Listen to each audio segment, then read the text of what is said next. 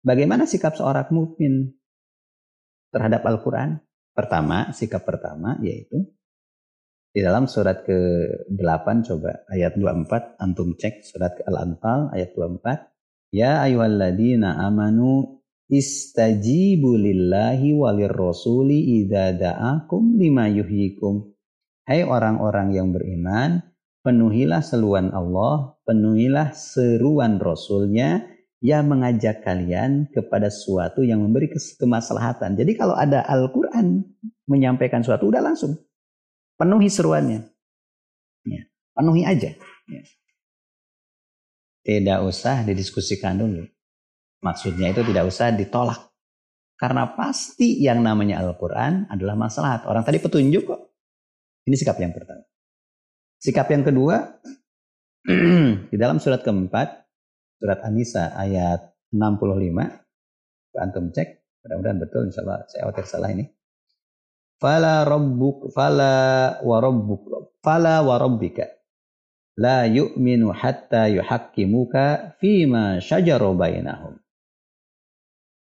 Maka demi Tuhanmu mereka pada hakikatnya tidak akan dikatakan beriman. Allah berkata, Allah berfirman, seseorang tidak akan beriman hingga mereka menjadikan kamu, wahai Muhammad, sebagai hakim terhadap perkara yang diperselisihkan. Masya Allah. Masya Allah. Jadi menjadikan ketika kita berselisih kembalikan kepada Al-Quran ini. Kembalikan kepada apa yang disampaikan oleh Allah Subhanahu wa taala. Kemudian sikap ketiga. Ini dalam surat Al-Baqarah ya, surat hampir terakhir, surat kedua terakhir 185. Amanar rasulu bima unzila ilaihi mir rabbi wal mu'minun. Rasul telah beriman terhadap apa yang sudah diturunkan oleh Allah kepadanya dan begitu juga sikap orang yang beriman. Ya. Kullu, kullun amana billah wa malaikatihi wa kutubi wa rusulih. Semuanya beriman kepada Allah. Mereka beriman kepada malaikat-malaikat Allah, kepada kitab-kitab Allah, kepada kepada rasul-rasul Allah. La nufarriku baina ahadin. Mereka tidak membedakan di antara mereka semua. Wa qalu sami'na wa ata'na. Dan ketika mereka mendapatkan sesuatu arahan dari Allah lewat Al-Quran, maka mereka mengatakan sami'na wa ata'na.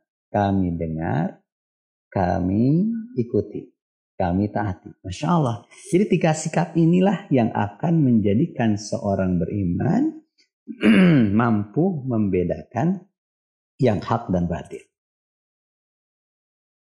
Yang eh, baik dan yang buruk. Yang membuat dia celaka atau dia sengsara. Ketika tiga, tiga hal ini tidak ada, maka tetap aja ketika kita membaca Al-Quran, mentelaah Al-Quran, maka tetap aja Al-Quran tidak akan menjadi powerful dalam membedakan hak dan batil ataupun yang lain-lain. Sikap pertama adalah penuhi seruannya di dalam surat Al-Anfal ayat 24. Sikap kedua menjadikan Al-Quran ataupun Nabi sebagai hakim, sebagai pemutus atau pemutus uh, kebijakan ya ketika ada menghadapi apa pun. Yang ketiga adalah mendengar dan taat. nah, mudah-mudahan tiga hal ini ada pada diri kita. Sehingga Al-Quran mampu menjadi petunjuk pada diri kita sehingga apa yang kita hadapi dalam hidup ini menjadi mudah. Karena memang janji Allah seperti itu.